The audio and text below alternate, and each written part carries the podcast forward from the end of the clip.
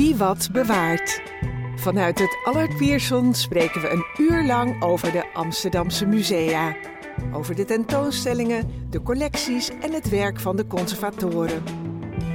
Wie wat wil weten over kunst en cultuur in Amsterdam, luistert naar Wie wat bewaart.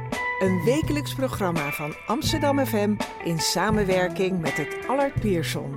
Vandaag presenteert Jeroen de Vries.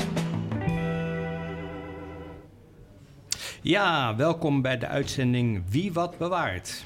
We zitten weer in de prachtige studio van het Allard Pierson aan de oude turfmarkt met uitzicht op het Rokin.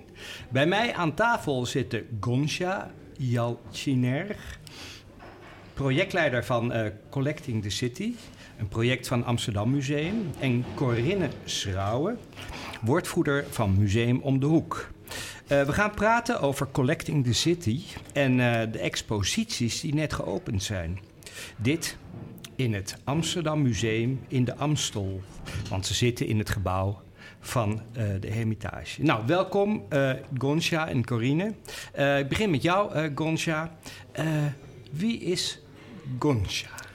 Ah, ja, ik... Um ik ben Gonja Jaltsenaar en uh, ik ben werkzaam bij het Amsterdam Museum als uh, hoofd uh, educatie en, uh, en, participatie. En ik mag het project Collecting the City begeleiden. Waarbij we met verschillende netwerken, groepen, gemeenschappen uit heel Amsterdam aan tentoonstellingen werken. Oké, en wat houdt dat project precies in? Hoe, hoe ziet dat eruit? Ja, dat is een, uh, een, een, een, een uh, goede vraag. Um, Collecting the City uh, is eigenlijk gevormd rondom de vraag: hoe moeten we de stad verzamelen? Hoe verzamel je dat en met wie verzamel je dat? En wie nodig je uit om daarover mee te praten? En zo hebben wij het concept bedacht dat we dat heel graag met eigenlijk alle Amsterdammers van de stad willen doen. En dat is een, nou, een grote opdracht. Zo vragen wij daarom heel gericht aan, uh, aan verschillende gemeenschappen met wie we samenwerken en netwerken van Waar moeten we het met elkaar over hebben de komende jaren? Wat is urgent? Wat is actueel? Wat speelt er nu in onze stad? Uh, waarvan wij vinden met z'n allen dat we, de, uh, dat we deze onderwerpen moeten belichten, maar ook dus moeten uh, bewaren voor de komende generaties, zodat zij ook als zij terugblikken de verhalen van de mensen die ermee te maken hebben te horen krijgen. En niet dat er dus over hen wordt gesproken, maar zeker, maar alleen maar eigenlijk met hun en vanuit hun de verhalen uh, uh, bewaard worden op deze manier. Ja, dus het is ook de bedoeling om ze te laten zien, hè, want er zijn collecties uh, nu. Ja. Net geopend trouwens, gaan we het zo over hebben. Ja. Um, en, maar het is ook dus de bedoeling om het te bewaren, om, om, om eigenlijk een tijdsbeeld vast te leggen. Zeker weten. En het is uh, natuurlijk kunnen we niet alles bewaren, maar het heeft ook vooral de bedoeling om de huidige collectie van het Amsterdam Museum aan te vullen. Dus te kijken naar welke objecten, welke verhalen er nu dus uh, uh, ertoe doen. Hè, waarvan wij als Amsterdammers vinden van nou die zijn belangrijk. En, uh, en dan kijken we met elkaar welke objecten die daaraan verbonden zijn, we graag willen, willen bewaren en willen opnemen in de Amsterdamse collectie. Ja, dus er zijn dus. jullie hebben een heleboel contacten, als ik het zo ja. mag zeggen. Ja. Uh, want ik vroeg me ook af uh, van, ja, hoe komen jullie daar dan aan? Ja. Maar dat is dan uh, een volgende vraag. Je hebt een heleboel contacten en die verzamelen ja, eigenlijk van alles, toch? Ja. ja. Klopt. Ja, we hebben heel veel, heel veel contacten. En hoe, hoe, we dat doen, dat is echt gewoon netwerken. We, zijn, we proberen echt aanwezig te zijn in de stad, in de verschillende buurten. wij nemen een ieder heel serieus die ons, die ons benadert met een idee of met een vraag. Um, wij gaan ook actief uh, naar, uh, naar verschillende instellingen toe, naar verschillende personen toe. En inderdaad, um, iedereen verzamelt wel iets of bewaart wel iets wat, hen, wat voor hen heel dierbaar is. En wij proberen van het Amsterdam Museum dus vooral te kijken naar de link met de grotere thema's. Um, en we proberen daar dus ook meerdere mensen te zoeken die uh, daar iets mee te maken hebben gehad. Uh, zo kun je bijvoorbeeld in de tentoonstellingen starten we met um, de eerste drie zalen gaan over um, de Bijlmer Vliegramp. Uh, dat is alweer 30 jaar geleden, bijna, op 4 oktober. Ja, ja precies. Um, dus op het moment dat je die vraag uitzet in de verschillende gemeenschappen, zie je dat het echt een, een eigenlijk een collectief trauma is. Het is Amsterdammers overkomen in die periode. Dus niet alleen de mensen die nu nog in, uh, in Zuidoost wonen, maar eigenlijk overal in Amsterdam en, uh, en elders dragen dat moment nog steeds met zich mee. En ze hebben daar dingen over bewaard. Ze hebben er verhalen over. Uh, ze hebben er objecten over bewaard. En mensen zijn bereid uh, om dat met ons te delen, omdat het heel erg belangrijk gevonden wordt. Dat het gesprek erover gevoerd wordt. En, en dat we daar met z'n allen bij blijven stilstaan. Dat is misschien een heel concreet voorbeeld wat ik kan geven over hoe mensen bewaren. En hoe wij dus aan het verzamelen zijn met elkaar. Ja, want dat is een van de exposities die net geopend zijn. Hè? Wanneer was, het, uh, was de opening? Dat is afgelopen zondag, 25 okay. September. Ja.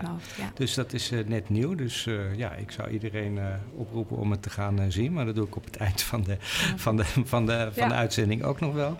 Um, maar... Um, ja, dus jullie verzinnen de thema's, begrijp ik. Nee. Oh, toch niet?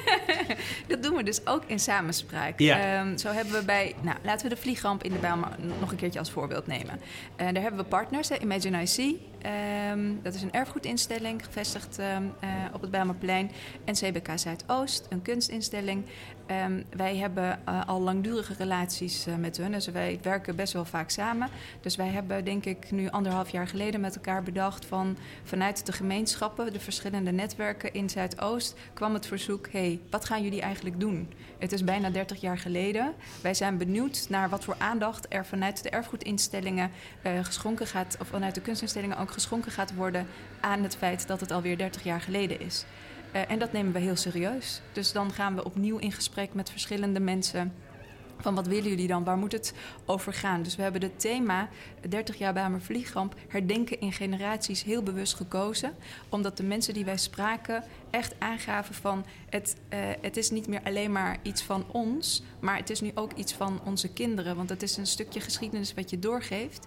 En het is niet altijd een fijne geschiedenis. Hier zitten ook gewoon trauma's in, uh, in, in, in um, verborgen die, die eigenlijk alleen maar kunnen helen als je het erover hebt, als je het een plekje kan geven. Maar dus ook als het, als het een plek krijgt in de Amsterdamse geschiedenis, maar ook in de Nederlandse geschiedenis. En dat we daar vaker bij, uh, bij stilstaan. En zo komen we aan die thema's. Dus we luisteren heel goed, dat proberen we tenminste. Um, en we proberen samen met, um, met meerdere mensen tot, uh, tot een thema te komen waarvan wij dan um, uh, vanuit kunnen gaan dat het meerdere mensen ook aanspreekt. Oké, okay. maar dat, zijn, dat kunnen heel verschillende uh, thema's zijn, heb ik, heb ik uh, zelf mogen bekijken. Ja. Want behalve de Bijlmerramp is er ook nog een expositie over, over de club Roxy. Ja. ja. Wat echt heel iets anders is. Ja, ja het gaat uh, vooral over de performance-artiest uh, Zubrovka International. En deze is gemaakt, dus het idee komt eigenlijk van, van Cleo Kampert... die vorig jaar een prachtig boek heeft uitgebracht, Roxy-archieven. Zij is daar jarenlang fotograaf geweest. Ze heeft zo ontzettend veel momenten vastgelegd in de Roxy dat ze daar een prachtig boek van had. En zij klopte bij ons aan en zei van... hé, hey, ik, heb een, ik heb een mooi boek. Ik wil heel graag met jullie in gesprek over uh, nachtcultuur... en hoe, hoe we dat aan het, aan het verzamelen zijn. Maar ik wil vooral ook um, zichtbaarheid geven aan, uh, aan Zubrovka... Um, uh, waarvan zij vindt dat, dat zij een muze is van, van, van, van de Roxy. Um, en uh, zo hebben we met elkaar aan tafel gezet en hebben we gedacht, ja, hoe, welke verhalen kunnen we daar nog meer bij, uh, bij verzamelen? Wie is Zubrovka dan? Hoe kunnen we uitlichten wie zij was? Dus zij heeft um, aanvullend daarop nog interviews met Zubrovka afgenomen. Ze heeft een, twee zalen eigenlijk samen met een kunstenaar, ook uh, Sascha Strenghold, uh, extra, nou, bijvoorbeeld een troon ontworpen. En zo hebben we heel erg met Cleo gekeken naar, oké, wat vertelt dit? En hoe kun, kunnen we dit het beste tot uiting brengen? En wat betekent het voor uh, nu in Amsterdam? Want we horen ook best wel veel geluiden vanuit, uh, vanuit verschillende me mensen dat de Roxy gemist wordt. Dat er geen plek meer is hè, zoals, uh, zoals de Roxy. komt dat er ooit nog? Verdient, weet je, willen we dat nog een keertje in, in de stad? Op welke manier dan? Dus dat gaf eigenlijk een hele mooie ingang om deze gesprekken weer met elkaar op te starten. En uh, dit krijgt ook gelukkig een uh, vervolg. Want ik weet dat uh, Cleo Kampert, wij ook, maar samen met het Stadsarchief...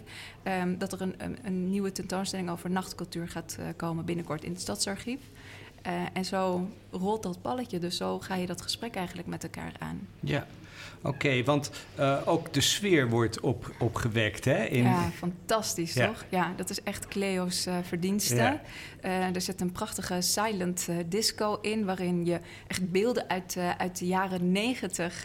dat heeft zij natuurlijk in haar archief heeft opgetrommeld. prachtig in elkaar gezet. Dus je komt echt even in de Roxy terecht vanuit de ogen van Cleo Kampert, van hoe zij het heeft gezien, welke beelden, welke muziek uh, zij daarbij heeft, uh, heeft verzameld.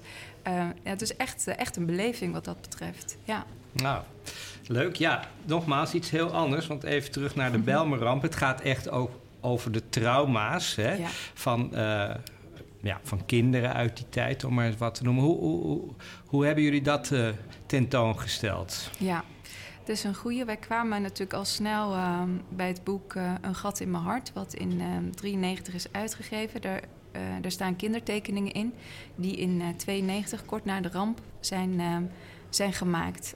en daar hebben wij mevrouw Carrie Laus uh, bijgesproken. Zij is de pedagoog geweest die um, onder andere een gedeelte van deze kinderen heeft, uh, heeft begeleid. En uh, zij legt bijvoorbeeld in de tentoonstelling uit waarom het zo belangrijk was dat je eigenlijk direct na de ramp kinderen vroeg naar wat zij hadden meegemaakt. Om de verwerking eigenlijk te starten zodat het een plekje kon, kon krijgen. Dus deze kinderen hebben tekeningen gemaakt over het moment. Ze hebben tekeningen gemaakt over het gemis van klasgenoten. Hè? Want onder de 43 officiële um, uh, slachtoffers van de ramp uh, waren er 18 kinderen. Um, dus som, sommige kinderen die kwamen in de klas en zij misten ineens een, een, een, klasgenoot. Ze wisten wat er was gebeurd, maar hoe geef je dat een plek? Hoe praat je daarover? En daarin is natuurlijk ja, tekenen, je verhaal vertellen, dus toch vormen van kunst helpen daar ontzettend bij. En die zijn uh, dus verzameld in dat boek. En wij hebben uh, de tekeningen die dus in het archief van mevrouw Carrie Laus waren en ondergebracht zijn bij Imagine IC, die hebben we geleend. Die, hebben we, die, die laten we zien. Dus je ziet 25 tekeningen van kinderen met een interview van onder andere van mevrouw Carrie Laus erbij. En het boek laten we, laten we ook zien. Een interview van, van die kinderen nu of van toen? Uh, het, zijn, uh, het zijn geen. Dus mevrouw Carrie Laus is de pedagoog geweest ja. die het heeft begeleid. Dus zij is nu, denk ik, iets boven de, boven de 80. Yeah. Uh, dus zij geeft een interview. De kinderen hebben wij. dus de kinderen van toen hebben wij niet gesproken. Okay. Maar dat is ook een mooi lijntje. want een van de kinderen die destijds een tekening heeft gemaakt, dat is de uh, artiest en kunstenaar Aquasi geweest. Okay. En die heeft daar een prachtige documentaire nu over gemaakt. En dat is ook weer een mooie samenwerking. Zo zie je dus dat dingen echt in elkaar grijpen. Is uh, dat wij de documentaire uh, mogen laten zien om ook nieuwe stadsgesprekken met elkaar te voeren. En daarin hoor je. mensen die nu natuurlijk geen kind meer zijn, maar kind waren toen de ramp gebeurde. Oké, en hoe, hoe, hoe ze dat verwerkt hebben of niet? Uh, Precies, ja. ja. En dat is, een, um, dat is volgens mij um, via Omroep uh, Zwart... Uh, is die documentaire binnenkort ook, ook te zien. Oké, ja. ja. En uh, dat is in samenwerking met het uh, Amsterdam Museum? Nou, dat is niet zozeer een samenwerking geweest. Uh, maar we waren van elkaar op de hoogte. Dus zij wisten dat wij met een tentoonstelling bezig waren. Wij wisten dat zij met een documentaire bezig waren. En dat vult eigenlijk elkaar nu, nu mooi aan. Dus wij mogen het een plek geven in de tentoonstelling. Wij kunnen het inzetten om te laten zien en om nieuwe gesprekken te voeren, om nieuwe verhalen op te halen. Maar het is onafhankelijk van elkaar gemaakt. En um, ja, wat, wat mij ook wel opvalt of in ieder geval wat wel indruk heeft gemaakt, is dat er ook stukken van het vliegtuig van de Boeing uh, te zien zijn in de uh, expositie. Ja. Uh, hoe, hoe komen jullie daaraan? Ja, dat was ook heel bijzonder. Dus het is ook het stukje. Op het moment dat je het gesprek met elkaar aangaat, kregen we eigenlijk van een van een meneer die in die periode een, een boswachter was. Die uh, benaderde ons weer via, via een collega. Hij wil graag uh, anoniem blijven. Van, okay. ik, heb een, ik heb een stuk van dat vliegtuig en ik zou het graag een mooie plek willen geven. Niet zozeer in de tentoonstelling, maar bij een instelling zoals het Amsterdam Museum. Dus hij heeft hem geschonken. En uh, hij heeft het wrakstuk dus gewoon gevonden toen hij, toen hij daar liep. En um, volgens mij een aantal dagen na de, na de ramp. Um, en wat er heel indrukwekkend aan is, is, is, is de impact van de ramp op, op, dat, op dat stukje ja, gelaagd aluminium. Dus ik weet niet zo goed hoe ik het moet beschrijven, maar Ehm, en je ziet ook dat er een klein stukje zo recht afgesneden is. En dat is omdat een vriend van zijn zoon graag ook een stuk van dat wrakstuk wilde hebben. Dus daar heeft hij destijds voor gekozen om dat uh, zo naar eraf te snijden. Yeah. Dus, maar als je het van dichtbij gaat bekijken, en hij hangt gelukkig echt op een mooie ooghoogte, um, kan je, ja, het maakt in elk geval heel veel indruk. Dus je voelt echt, echt de heftigheid van wat, toen, wat er toen is, is gebeurd. Een ander wrakstuk die we uh, in bruikleen hebben, die hebben we nog, uh, nog niet, zeg ik, geschonken gekregen, is van, uh, van grafisch vormgever en kunstenaar Floor Wesseling. Die was zelf 16 jaar en woonde in de Bijlmer toen de, toen de ramp plaatsvond. En hij heeft een, een, een deur van, van het wrakstuk heeft hij, heeft bewaard, jarenlang ook. En wat daar bijzonder aan is, is dat het hij was echt heel snel ter plaatse. En op het moment dat hij het oppakte, was het nog zo heet dat hij zijn handen eraan heeft verbrand. Okay. Dus je ziet nog zijn vingerafdrukken erop. Oh. Um, dus het is. Ja, het, is, het, is, het, is, het, is, het heeft een soort van stuk uh, ongemakkelijkheid natuurlijk. Wat, maar het is, hij heeft het meegemaakt. Dus hij, hij hij praat er ook over in, in de tentoonstelling van wat een indruk dat op hem had en hoe hij dat dus met zich meedraagt. En we hebben hem mogen interviewen samen met zijn kinderen, nou twee van zijn kinderen, met Aaron en met, uh, met Soraya. En Aaron is 16 jaar precies. En je hoort in het interview ook hoe zij terugblikken op het verhaal van, van Floor over de, over de vliegramp in, in de Bijlmer. En wat het dus, um, hoe het besproken wordt in, in zo'n gezin en wat voor plek het heeft ja. heeft gekregen. Ja. ja. Oké, ja, dat is, dus ook ja, bewijs van spreken de trauma's die worden doorgegeven. Ja, het zozeer, dus ik, ik hoop voor Floor en, uh, en, en voor het gezin dat het niet zozeer dat het een trauma is die doorgegeven wordt, maar dat het juist niet meer doorgegeven wordt, omdat ze er nu over praten. Dus dat het een plek krijgt en dat het onderdeel wordt van hun familiegeschiedenis. Ja, want ik heb ook iets gezien van een kunstenaar die sessies houdt of herdenkingssessies in de Bijlmer. Kan je daar iets over vertellen? Ja, zeker. Dat is een uh, prachtig werk van uh, Bewong, een uh, Ghanese kunstenaar. zij had een residency bij CBK Zuidoost. En toen zij hier kwam, wist ze eigenlijk best snel dat ze werk wilde maken um, um, over, over de vliegramp. Samen met met de mensen die er uh, direct mee te maken hadden gehad. Zo is zij um, ook weer via, uh, via netwerken natuurlijk uh, van CBK Zuidoost onder andere tot een groep van 30 mensen gekomen die veel ook um, als vrijwilliger um, hebben bijgedragen aan de herdenkingen jaarlijks. Dus bij de boom die alles zag uh, dus zij kwamen weer bij elkaar. En Patrick die heeft een prachtig ritueel die dag uh, opgevoerd. Ze heeft deze 30 mensen gevraagd om een stuk uh, stof te pakken... die over de schors van de boom die alles zag te leggen. Daar hebben ze met, met, met krijt hebben ze daar overheen, nou, hoe noem je dat, gewreven. Nou, mm -hmm. dat krijgt, dan krijg je natuurlijk een bepaald patroon van de boom die alles zag.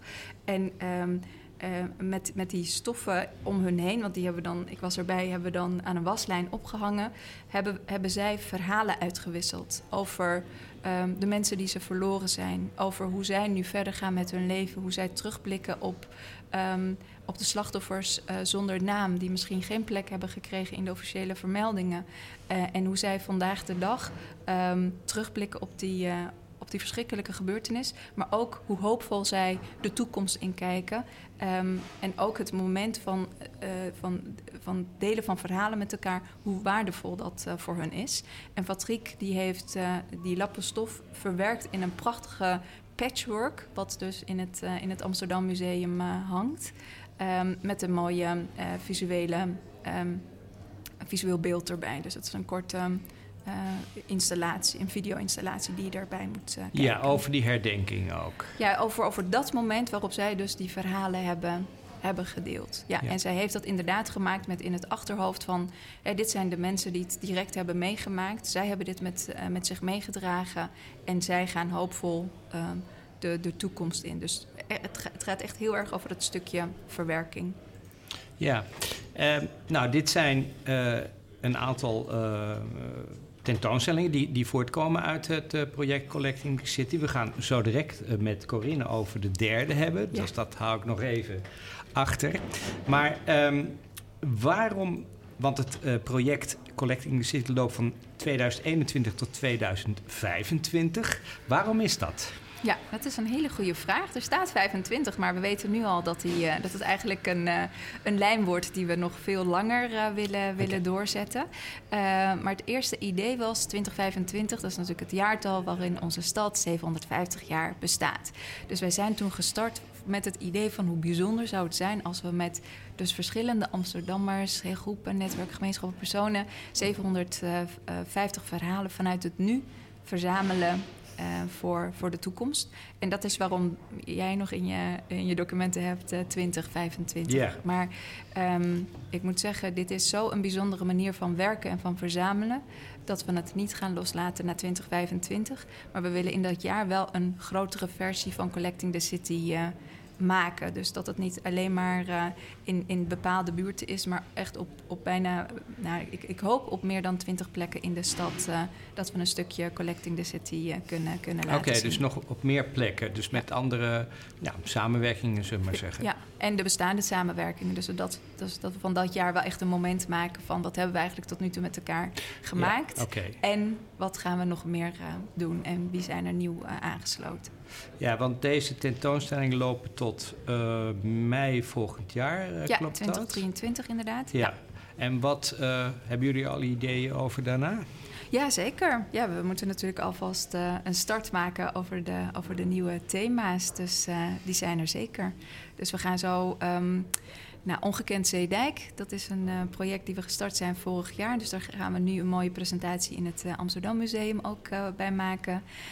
de Gay Games bestaat volgend jaar precies 25 jaar. Daar besteden we aandacht aan. we besteden aandacht aan de um, Indonesische eethuizen in, in Amsterdam. Samen met Verhalenhuis Reboot. Uh, en we hebben ook nog uh, een ruimte die we inrichten samen met uh, Nieuw-West over de helende kruiden die je eigenlijk um, op elke hoek van, van de straat tegen kan komen, vooral in de lente. Dus ook weer heel anders ja, van karakter. Zijn, maar, het zijn inderdaad hele andere dingen, ja. heel, heel breed. Want hoe, hoe denken jullie dat dan te bewaren, te, te klassificeren eigenlijk? Ja.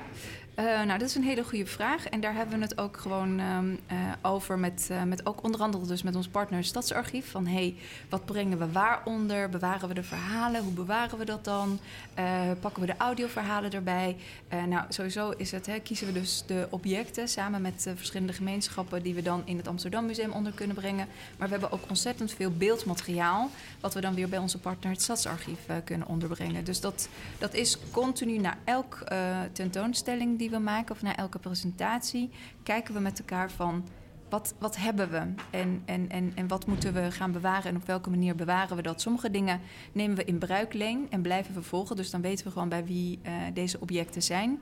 Uh, en sommige dingen uh, krijgen we geschonken en sommige dingen kopen we aan.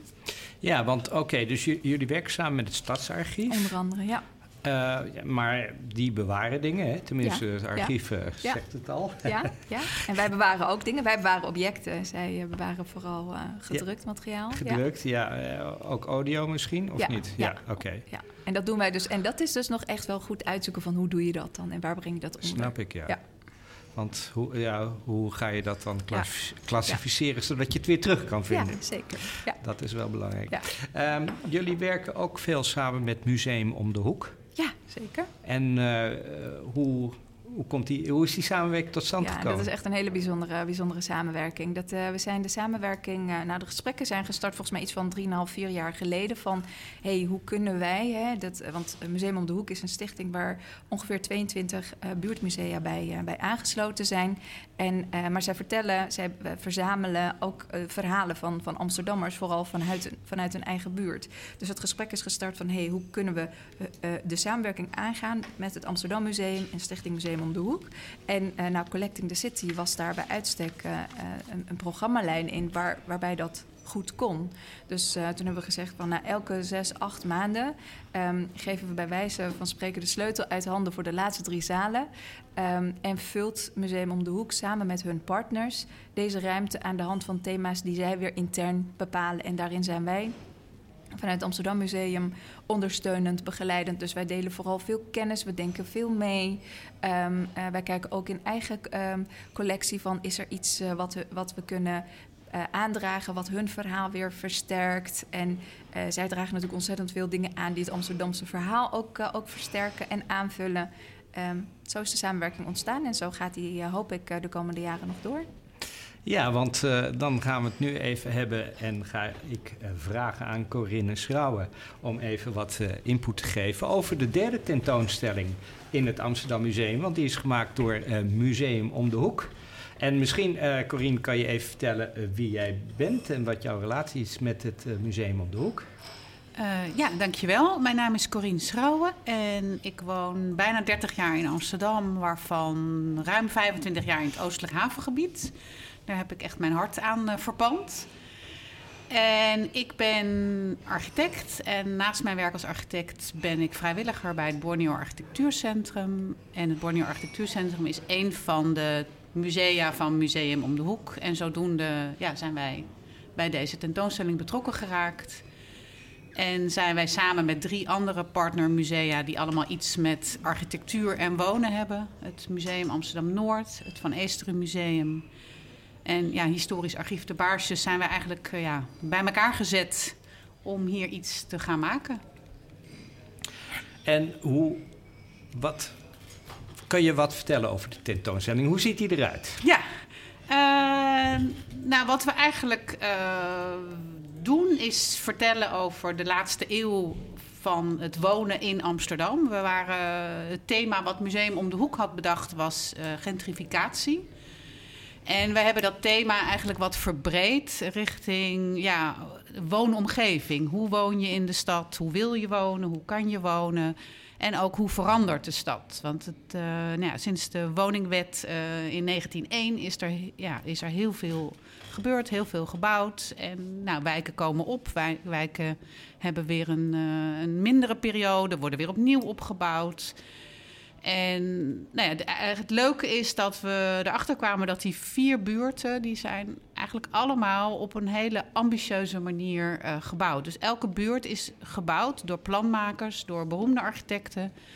om de mensen op dat moment een betere woning en een betere woonomgeving te bieden. Ja, we, we hebben het even uh, samen. We hebben het over de Van de Pekbuurt, de Baarsjes, ja. Uh, Slotermeer en Oostelijk Haven. Ja, Borneo Sporenburg hebben we. Want we hebben okay. geprobeerd. Ja, dus we, je ziet eigenlijk, het is een, nou, een zaal met heel veel, uh, heel veel afbeeldingen, heel veel objecten. Maar de, wat er als eerste uitspringt zijn vier grote panelen waarin we het verhaal van die vier buurten vertellen. En we hebben ervoor gekozen. En dat, nou, dat is ook wel een hele belangrijke inbreng van het Amsterdam Museum geweest. Want ja, wij zijn allemaal hele enthousiaste vrijwilligers. Maar we zijn geen tentoonstellingsmaker. En het, ja, de inbreng van het Amsterdam Museum van probeer het persoonlijk te maken. Dus we hebben vier verhalen verteld uh, van mensen die in die buurt woonden. En aan de hand daarvan eigenlijk verteld over de wijk. Dus in de Van de Pekbuurt gaat het om de eerste familie die in het, uh, wat nu langzamerhand een beroemd melkwinkeltje is, is komen wonen. En dan, ja, dan zie je foto's en dan wordt hun verhaal verteld van hoe zij daar woonden. In uh, de Baarsjes, uh, Plan West, wat ook weer gebouwd was als een soort verheffing van de arbeiders, wordt het verhaal van Willem van Toorn verteld. Dat is een schrijver die als kind met zijn familie uit de Betuwe kwam. Want toen in die tijd, uh, ja, eind twintiger, begin dertig jaren, was er heel veel emigratie vanuit uh, andere delen van Nederland naar West. En hoe die familie daar, uh, daar landde. En dat, ja, dat herhaalt zich natuurlijk nu ook weer met immigratie vanuit andere landen. Nou goed, dat, dat is een immigratie die in de jaren dertig heeft plaatsgevonden. Ja, ja. En dat verhaal van die familie wordt daar ook verteld. Ja, dat verhaal van die familie wordt daar verteld. Er is ook een, een interview uh, met hem. En hij heeft ook een heel mooi boek geschreven over, uh, over ja. het wonen in de stad. Ja, want zijn vader was. Uh, zijn vader was kleermaker, ja. maar hij kon als kleermaker, geloof ik, de kost niet verdienen. En toen nam hij een. Ik weet niet of nou, volgens mij geen melkwinkeltje. Dat was een groentewinkel. Ja, dat was het. Nam ja. hij een groentewinkeltje over. ja. En daar gaat het verhaal ook over. En daar gaat het verhaal ook over, klopt. Ja. ja. En nou, dan gaan we eigenlijk na de oorlog. Het Van Eesteren dus, uh, heeft het uh, Amsterdam uitbreidingsplan gemaakt. Dat was wel voor de oorlog, maar dat is na de oorlog uitgevoerd in, uh, in Amsterdam-West. En daarvan lichten we het gebouw de Verfdoos uit. En dat is een heel ja, modern gebouw waarin woningen ja, werden gemaakt volgens het principe van het goede wonen. Dus daar werd ja, eigenlijk met interieur werden mensen opgevoed om goed te wonen. En daar dat is in Slotermeer? Dat is in Slotermeer, ja. En daar vertellen we het verhaal van, ze geloof ik Harnie, een van de, iemand die daar als kind heeft gewoond in zo'n woning die echt helemaal nou, als een soort modelwoning was ingericht. En die vertelt hoe haar moeder daar helemaal verguld eh, mee was. Met allemaal mooie slanke meubeltjes en lichten en ruimte. En, uh, ja, want er was natuurlijk toen ook wel woningnood. Of mensen woonden in hele oude uh, gebouwen. Hè? Want ja gaan het zo hebben over de huidige woningnood. Maar die was er toen natuurlijk ook. Ja, toen was er heel veel woningen. Er is ook heel snel heel veel gebouwd. Maar dat waren niet altijd hele grote woningen. En toen nee. ontstond ook de tendens ja, om dan zo slim mogelijk daarin te wonen. Maar dat was ook normaal toen. Ja, klopt. Want we zijn natuurlijk wel wat uh, meer verwend geworden in een uh, aantal vierkante meters en zo. Nou, dat daar, valt mij ja, altijd wel een beetje op. Ja, dat, nou, dat zie je ergens in, in een soort tweede laag zie je dat ook terug. We laten ook plattegronden van woningen ja. zien. En je ziet dat de woningen steeds groter worden. Maar dat ze ook, als je dan naar het nu kijkt, weer kleiner dat ze worden. weer kleiner uh, worden. Dus dat is ook een leuke ja, soort golf die door de tijd loopt. En het laatste verhaal gaat over Borneo Sporenburg. En dat is natuurlijk de jongste van de wijken. Dus dat is de wijk die, ja, dat is heel lang een haven geweest en pas sinds de negentiger jaren een woonwijk. En dat is de wijk die dus nog, ja, nog geen teleurgang heeft gehad, die nog in de optimistische opbouwfase zit. En daar laten we het verhaal van twee bewoners uh, zien die daar vanaf het begin wonen in een, ja, een typische lichthofwoning, zoals we dat noemen. En die kunnen heel leuk vertellen ook, want ja, je woont daar in een woning, maar aan de overkant liggen de woonboten. Daar wonen ook heel veel mensen die de, ja, de periode van de stadsnomaden nog hebben meegemaakt. En ja, dat geeft een bepaalde leeftigheid aan de buurt waar zij dan uh, over vertellen. Oké, en um, ja, jullie hebben dus eigenlijk vier uh, mini-expo's, als ik het zo uh, mag noemen, over de vier verschillende uh, buurten. klopt dat? dat, dat nou ja, wij, nee, eigenlijk niet. Want oh. we hebben, en dat we hebben. nou, dat is ook wel onze inspanning geweest. We hebben wel echt één expositie willen maken. En we lichten dus vier verhalen uit. Maar die vier verhalen die vertellen eigenlijk het, die vertellen het verhaal van de stad. Die vertellen het verhaal van 100 jaar wonen. En die vertellen ook eigenlijk, ja, laten we zeggen, de botsing tussen ambitie en realiteit. Dus de, de plannen worden gemaakt, die zijn altijd ambitieus. Het, wordt altijd beter en mooier. Maar wat gebeurt er in de werkelijkheid? En die vertellen ook het verhaal van wat voor invloed hebben de bewoners. Want je hebt de politiek en die, die verzint wat. Maar uiteindelijk hebben de bewoners door middel van protesten, door middel van initiatieven, heel veel invloed gehad. Dus je ziet ook tussen die verhalen door zie je kleinere beelden en kleinere verhaaltjes over bewonersprotesten door de jaren heen. Zowel in de vak van de Pekbuurt, maar ook in het Oostelijk Havengebied zijn het de bewoners, zijn het krakers geweest die ervoor gezorgd hebben dat gebouwen niet gesloopt werden. Dat het karakter van een buurt ook behouden blijft. Dat het Oostelijk Havengebied niet een, ja, een soort nieuwbouwwijk waar al het water uh, gedempt uh, is, maar dat het een, de havenkarakter behouden is. Van de Pekbuurt zijn ook de, ja, de, de arbeiderswoningen uit, uh, die, die nu 100 jaar oud zijn, zijn weer opgeknapt in plaats van gesloopt. Want dat, was, dat waren de plannen van de gemeente om het te slopen? Ja, er zijn heel veel... Nou ja, Nieuwmarkt staat niet in onze tentoonstelling... maar is natuurlijk een bekend voorbeeld. Ja. Maar er is heel lang is er vanuit de plannenmakers altijd gedacht van slopen is beter en nieuwbouw is beter. Terwijl voor de bewoners is wat er is, heeft, heeft identiteit, heeft, ja, is karakter, heeft mee, heeft mee te maken met hoe je je thuis voelt in een stad. Uh, ja, en uh, hoe, hoe, de geschiedenis ook is. Ik het bewaren van de geschiedenis. Ja. He, want we zitten hier eigenlijk in het centrum natuurlijk. Dat wil, wilde men in, in de jaren zestig ook uh, wegasfalteren. En Precies. dat is niet gebeurd. En uh, ja, dat is nu wel de uh, belangrijkste trekpleister zo'n beetje van Amsterdam. Precies, ja. En dat heb je natuurlijk in alle buurten ook, hè, met ja. specifieke ja, architectonische gebouwen of andere dingen, denk ik dan ook. En het zijn dus de bewoners, eh, zeg jij, die altijd zorgen dat die eh, bewaard blijven? Nou, vaak wel. Ja. eigenlijk is dat wel de rode draad die, die, die wij in het verhaal vinden. En in die zin was het voor ons ook leuk, omdat, ja, zoals ik zeg, ik woon 25 jaar in het oostelijk havengebied. Ik ben daar als vrijwilliger bij het Borneo Architectuurcentrum. Dus je kijkt altijd heel erg naar je eigen buurt. En het leuke was ook door die samenwerking met die andere partnermusea dat je inderdaad dan gaat kijken van... hé, hey, maar bij jullie spelen eigenlijk dezelfde, dezelfde thema's. En het zijn, de verhalen zijn soms anders en hoe iedereen ermee omgaat. Maar het was ook voor onszelf al... en dat is natuurlijk wat het Amsterdam Museum ook wil... dat we meer... Samen. Ja, meer, ook meer de buurt intrekken. Dat was voor ons ook een, een manier om ja, de rest van de stad beter te leren kennen en ook de andere instellingen beter te leren kennen. Ja, want jullie zijn een museum om de hoek. Dat zijn 23 buurtmusea, als ik het goed begrijp heb. Wat heel erg leuk is bij de tentoonstelling, zie ik ook allemaal, heb ik allemaal kaartjes zien liggen van, uh, van alle musea. Dan weet je ook tenminste een beetje wat het is. Dat, dat vond ik erg leuk. Dus dan uh, kijk je. Maar jullie. Ja, er is ook een uh, boekje van. Dat ligt ook bij de meeste musea. Dat kun je dan meenemen. Dat, ja, we noemen de musea ook de verborgen parels. Dus het idee is inderdaad dat of je neemt die kaartjes mee of je neemt het boekje mee. En dan ga je langs al die verborgen parels in de stad. Ja, want ik, ik ben ook een bewoner van de stad, woon in Oost, maar ik kende die buurtmusea niet. Dus eh, dat is ook een manier om ze wel een beetje meer in de picture te laten eh, zijn. Nee, voor ons is natuurlijk deze tentoonstelling in het Amsterdam Museum eh, ja, een gouden kans om zichtbaar te worden.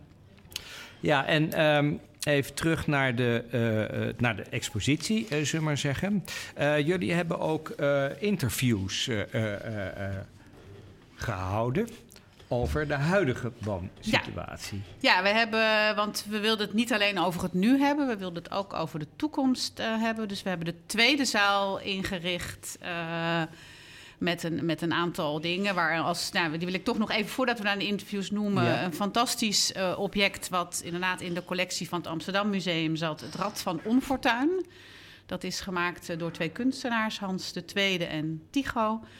En dat is gebruikt voor een woonprotest in september 2021. En nou, daar kon je aan draaien en dan, nou, dan trof je niet echt hele leuke dingen. Dan kon je verhuizen naar Almere. Of tot je 35ste bij je ouders blijven wonen. Of heel veel geld betalen voor een uh, lelijk hok zonder daglicht. En, nou ja, en dat, je merkt bij iedereen die daar komt in de expositie ook... dat is echt een, een blikvanger. En het is natuurlijk heel erg leuk en heel erg grappig, maar daarmee hebben we de wooncrisis nog niet opgelost. Dus we hebben een aantal mensen, en dat zijn bewoners, experts, hebben we gevraagd om hun lichten op te laten schijnen. En nou, sommigen die hebben geen oplossing, maar die vertellen gewoon hoe ze het ervaren. En anderen die hebben wel oplossingen. Maar, en we willen ook de, ja, de, de bezoekers uitnodigen om daar ook over na te denken. Maar ik vind het leuk om inderdaad twee, uh, ja, twee stukjes te laten horen. Het is niet het hele interview. De interviews zijn wat langer, maar ja, die kunnen jullie in het museum gaan beluisteren. En de eerste is uh, een stukje van het interview met Niels Jongerius. Niels Jongerius is een initiatiefnemer van de Nieuwe Meent. En dat is een wooncoöperatie. Dat is iets anders dan een wooncorporatie. Dat zijn dus mensen die zelf uh, het initiatief nemen tot het bouwen van sociale woningen. Die dus het, ja, het heft in eigen handen nemen. Die zeggen van ja, bouwen moet niet zijn om geld te verdienen, maar bouwen moet zijn om te wonen.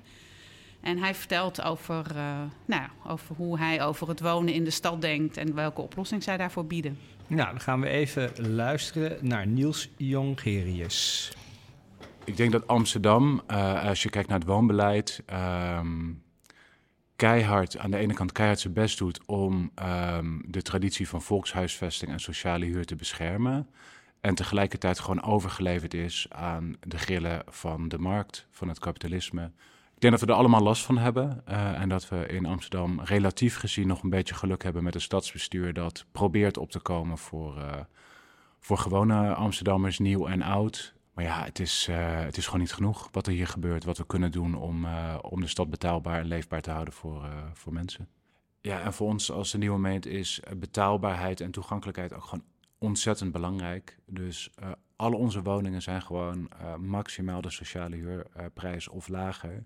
zo houden we de stad voor nu en voor in de toekomst ook gewoon betaalbaar. En omdat we onze eigen energie opwekken, valt dat ook nog eens heel erg positief uit. Dus ehm, het is moeilijk, maar duurzaam en sociaal en toegankelijk bouwen kan gewoon. Ja, Niels Jongerius. En die komt met oplossingen. Ja, en het gebouw uh, wordt volgens mij ook volgend jaar daadwerkelijk gebouwd. Nou, dat is uh, hartstikke mooi. Heb je nog, je hebt nog een, uh, een ja. fragment. Ja, ik heb er nog één uitgekozen. En ja, die illustreert ook een beetje wat wij wilden laten zien. En die sluit denk ik ook heel aan op het thema gentrificatie. Van ja, hoe, hoe ervaren mensen wat er gebeurt? Dus de buurten die ja, die gaat het slechter mee. Dan worden ze weer opnieuw opgebouwd. Daar worden ideeën over, we maken nieuwbouw. Daar komen andere soort bewoners. En, en, en wat betekent dat eigenlijk voor de mensen die bijvoorbeeld hun hele leven al in een wijk wonen? Dus hier is Soumaya Bazi aan het woord. Die is als, ja, van kinds af aan opgegroeid in Nieuw-West. En nou ja, zij vertelt hoe ze tegen de veranderingen in haar leven in de wijk aankijkt. We gaan luisteren naar Soumaya. Wat je nu ziet is dat er een ongelooflijke shift gaande is waarin andere, of waarin eigenlijk uh, bepaalde uh, groepen in de stad massaal verhuizen naar deze wijken, die dus altijd de stempel hebben gehad van dat is de ghetto en daar wil je niet zijn. En dat zie ik dan ook om me heen uh, veranderen. En daar kan ik me dan heel erg over opwinden. En niet om het feit dat specifiek deze mensen verhuizen, maar dat, dat er ruimte wordt geclaimd op basis van hoe groot jouw portemonnee is. En dat is een hele onrechtvaardige manier van ruimte verdelen. Wat je nu krijgt, is dat er geen mix wordt gestimuleerd, maar er worden eilandjes gecreëerd. Dus er wordt heel veel gebouwd, maar er wordt gebouwd in een verkeerde richting, om het zo te zeggen. Um, en daardoor los je het probleem niet op. Terwijl je kan die hijskraan ook sturen naar de andere kant. En die hijskranen laten bouwen voor hen die al, ik weet niet hoe lang wachten op schimmelvrije woningen bijvoorbeeld. Dus ja, er moet anders worden gebouwd. Ingewikkelder dan dat is het niet. Nou, Sumaya. En zo zijn er nog meer. Uh, ja, en uh, ja, we hebben in totaal negen verhalen van heel verschillende mensen. Dus het is heel erg leuk om die uh, allemaal te beluisteren. Ja, in het Amsterdam Museum aan de Amstel. Leuk. Hey, um, ik heb ook wel, want je zegt de samenwerking. Het is mooi om juist ook die buurten met elkaar te verbinden. In het uh, museum hangt een grote kaart van Amsterdam eigenlijk. Erg leuk. Want, uh, en daar is ook een, een, ja, verbinding tussen de vier buurten gemaakt. Kan je er iets over vertellen? Ja, uh, de, ja, de tram 7 die loopt toevallig uh, langs al deze musea. En als je dan nog met het pontje bij het Azaardplein oversteekt, uh, kom je ook bij het Amsterdam Museum. Dus ja, we willen daar eigenlijk ook mee laten zien dat het heel makkelijk is om deze allemaal uh, te bereizen. En dan maak je ook eigenlijk een, ja, een, een reis door de, de tijd en de verschillende stijlen en, en wijken van, van de stad. En we hopen daar ook nog uh, ja, invulling aan te gaan geven met een programma waarmee we mensen vanuit het museum de verschillende buurten in laten trekken. Oh, Oké, en hoe, hoe gaan jullie dat doen? Nou, in ieder geval organiseert elk uh, buurtmuseum rondwandelingen door de wijk. Dus die, uh, die kunnen, daar kunnen bewoners zich uh, voor aanmelden. Dat zijn die vier uh, Ja, dus dat zijn die vier buurtmusea. Ja. ja. En we, ja, we zijn nog aan het broeden op meer programma maar dat uh, moeten we nog even uitwerken. Ja, want nou ja, dat, lijkt me hartstikke leuk om zo'n uh, buurtrondwandeling te doen. Ik, zelf heb gewerkt in de baarsjes. Hm. En ik heb ook daar een rondwandeling toen, heel lang geleden hoor, uh, gehad. En dat is ongelooflijk leuk, omdat dat inderdaad architectonisch als één buurt is opgezet. Uh, ja. de baarsjes in ieder geval. Dat, dat, wist ik niet en dat vond ik ontzettend leuk ja. om te horen. En zo zullen die andere buurten ook hun eigen specifieke dingen hebben. Ja, en wij zeggen ook eigenlijk, ja, de, de, de buurtmusea zelf zijn eigenlijk hele kleine ruimtes. Maar wij zeggen eigenlijk, wij zijn eigenlijk een openluchtmuseum. Dus elke wijk is zijn eigen openluchtmuseum. Dus je ziet het meeste zie je gewoon als je daar buiten rondwandelt. En dan is het natuurlijk heel interessant om ook het verhaal te horen van uh, hoe ja. het tot stand is gekomen, wat je ziet. Ja, en het uh, verhaal van, de, van het wonen in Amsterdam, hè, met zijn ups en downs, uh, zullen we maar zeggen, als ik het zo uh, mag horen. We zitten nu weer een beetje in een down, maar het is ook een tijdje wel, nou ja, up geweest. Er is erg veel mm -hmm. protest geweest, dat, dat, dat, nou, dat, daar komt nu ook in. Mm -hmm. we hebben de Nieuwmarktbuurt geward, maar natuurlijk ook de krakersbeweging, die heeft natuurlijk veel bewogen. Mm -hmm. Komt er nu ook protest? grootschalig, denk je? Nou ja, er is natuurlijk nu de afgelopen paar jaar zijn er een aantal woonprotesten geweest. En kijk, we zitten natuurlijk nu in een soort ander soort down dan als je kijkt in de jaren zeventig. Denk ik, nou, ik ben, niet zo heel goed in getallen, maar woonden er volgens mij misschien 600.000 of misschien nog wel minder mensen in Amsterdam, want iedereen trok weg. Dus het down zat hem heel erg in het feit dat er minder voorzieningen waren en minder geld in de stad werd gestoken. En het down zit hem nu natuurlijk eigenlijk in de omgekeerde situatie. Dat we groeien richting een miljoen inwoners. En dat er voor al die mensen ja, onvoldoende plek is. En dat er een aantal ja, politieke beslissingen zijn genomen. Waardoor, uh, ja, waardoor er niet zozeer wordt gebouwd om te wonen. Maar er ook heel veel wordt gebouwd om geld te verdienen.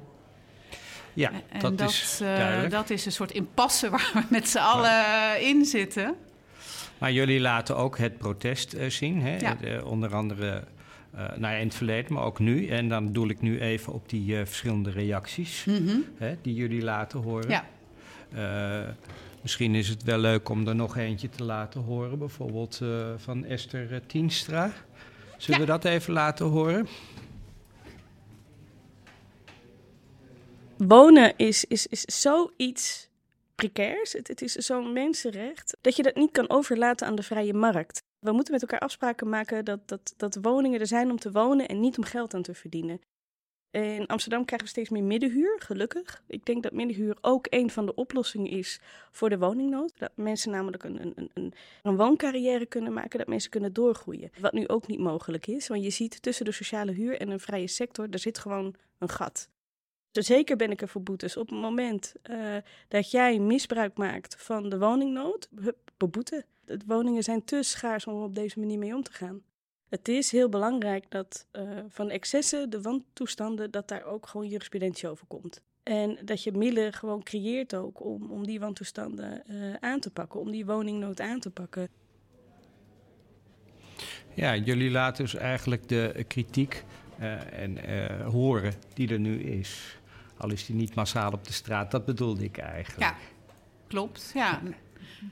En, nou ja, en we hopen dat het natuurlijk ook aanzet uh, voor mensen die daar komen. Ook zelf, we hebben ook een kaartenwand waar je zelf je mening uh, op ja. kan neer uh, opschrijven. Dus we hopen dat, ja, dat iedereen ook even nadenkt van ja, hoe, hoe woon ik eigenlijk? En hoe, wat kan ik daar wel en niet aan, aan veranderen? En dat dat uiteindelijk wel ook een beweging tot stand brengt. En wat gaan jullie daarmee doen? Gaan jullie daar iets mee doen met die meningen van die mensen?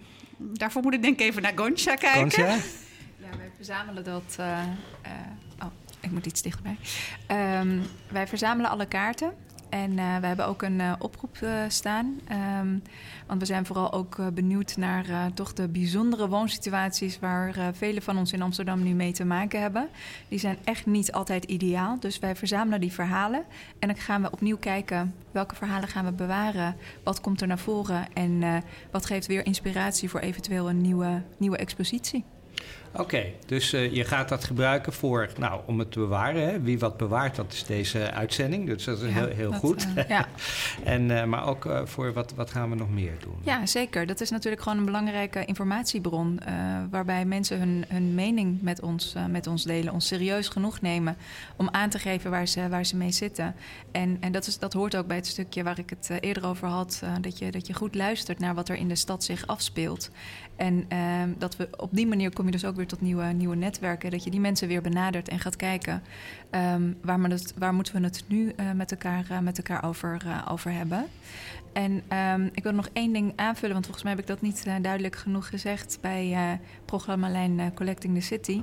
Dat het er wel vooral om gaat dat we verzamelen rondom de nog onverzamelde thema's en verhalen. Uh, en um, dat we dat veel belangrijker willen maken. Dus we zijn niet op zoek naar wat we al reeds hebben en weten. Maar we zijn vooral benieuwd naar dingen die tot op heden minder belangrijk gevonden zijn of onverzameld zijn, uh, zijn gebleven. Dus daar doen we vooral een beroep op. En wat, uh, wat bedoel je daarmee, onverzameld? Nou, ik bedoel, uh, bijvoorbeeld, ik spreek dan uh, heel erg vanuit het Amsterdam Museum. We hebben ontzettend veel uh, bijzondere objecten, maar die kunnen we ongeveer voor 95%, misschien wel meer, toeschrijven aan, aan mannen. die gaan, het zijn objecten die mannen hebben gebruikt of door mannen zijn gemaakt, of nou, noem maar op. dus de nou goed, de vrouw en de vrouwelijke verzamelaar, um, die is in vergelijking uh, uh, veel, veel minder verzameld, hun verhalen, hun objecten. En zo geldt dat ook bijvoorbeeld voor sommige bevolkingsgroepen in, uh, in Amsterdam. Dus daar zijn we alert op. Het is bijvoorbeeld bijzonder dat er weinig aan objecten te vinden is in het Amsterdam Museum over de vliegramp in de Bijlmer. Daarom deze tentoonstelling, waarbij we dus hopen om dat stukje aan te vullen. Oké, okay, dus jullie zijn ook op zoek naar aanvullingen van uh, lege plekken eigenlijk. Ja, lege plekken, blinde vlekken, uh, blinde vlekken ja. noem, maar, noem maar op. Ja, zeker. Oké, okay, want uh, nou ja, een uh, aantal podcasts geleden was Imara Limon hier. Ja. Die had het dan vooral over het kolonialisme en, ja. en, en de gewone mensen eigenlijk, hè, die, uh, mm-hmm. die daarmee te maken hebben. Mm-hmm. Dat was ook iets, uh, ja, dat is ook nieuw eigenlijk voor het Amsterdam Museum. Ik dat bedoel, is... Uh, 50 jaar geleden deden jullie dat. Nee, geen enkel museum, hè, even voor de duidelijkheid. Ja, ja. Nee, wij hebben echt, eh, ik denk, ik kan makkelijk zeggen, in de afgelopen drie jaar, en misschien vijf jaar, koersen we daar heel bewust op. En ja. Imara Limon, een hele fijne collega van mij, is, is een van de voortrekkers daarvan. Ja. ja. Oké, okay, dus dat is ook een blinde vlek zou je kunnen zeggen. Wat is een blinde vlek? Een uh, uh, nog niet gecollecteerde uh, omgeving, laat ik het zo zeggen. Ja, ik denk dat, dat, dat wij allemaal blinde vlekken hebben. Ja. En je komt achter die blinde vlekken door in, dus door in contact te blijven staan met, met de stad en met de bewoners van de stad. En vooral goed te blijven luisteren naar wat speelt zich nu af, waar zitten mensen mee. en hoe kunnen wij daar een een platform in zijn, een, een, een plek in zijn om, om deze verhalen uh, zichtbaarder te, te maken. Ja, en wat willen jullie daarmee bereiken? Dat het gewoon verteld wordt? Of... Ja, nou, we willen natuurlijk, wat we daar uh, is heel groot. We willen graag bereiken met het dominante uh, narratief. Hè. We willen gewoon verhalen aanvullen en, en een nieuw narratief uh, met elkaar ontwikkelen. Waarin wij als Stadsmuseum veel representatiever zijn. Dus verhalen van meerdere Amsterdammers vertellen dan van één bepaalde, bepaalde groep. en we willen ook heel graag kijken naar wat, wat collectie betekent en hoe je tot nieuwe collecties komt. Ja, wat bewaar je en wat bewaar je niet? En wie bepaalt dat? Ja. En dat, dat verandert ook. Dat, ja, dat, dat hopen we. Ja. Nee, maar dat, ja. dat hoor je wel bij meerdere musea. Van, ja. Uh, ja, we doen altijd hetzelfde. Hè? Dat hebben we niet door, maar uh, eigenlijk komt het daarop neer. Ja. En hoe, hoe kunnen we dat nou veranderen? Want dat is ook niet zo makkelijk, denk precies, ik. Precies, ja. Want als je in het verleden kijkt en je hebt altijd... Uh, nou ja, dan heb je maar een beperkt aantal voorwerpen... om hier te kijken in het Allard Piers. Dan heb je natuurlijk hele mooie dingen. Maar dat zijn natuurlijk wel uh, meestal dingen van rijke mensen uit het verleden. Bijvoorbeeld, ja. ja. Want van arme mensen is, is er niks bewaard gebleven ook, denk Inderdaad. ik dan. Ja, die zijn dus niet belangrijk genoeg gevonden om te bewaren. Dus daarom dus ook vanuit het nu bewaren en dus met zoveel mogelijk mensen kijken naar wat is er nu belangrijk voor meerdere mensen tegelijk. Ja. Ja, op dit moment. Op dit moment, vanuit het nu. Ja, vanuit het nu. Oké. Nou, hartstikke mooi. En uh, hoe kijkt het museum uh, om de hoek daar naartoe? Daar, naartoe? Uh, ja, wij zijn als musea wat dat betreft denk ik iets minder bezig met, met bewaren. Wij zijn, ja, dat, dat geldt, het ligt een beetje aan verschillende musea. Maar het historisch archief, de Baarsjes, die verzamelen waanzinnig veel materiaal en verhalen. Dat was ook een, grote bron van informatie tijdens, uh, tijdens deze samenwerking.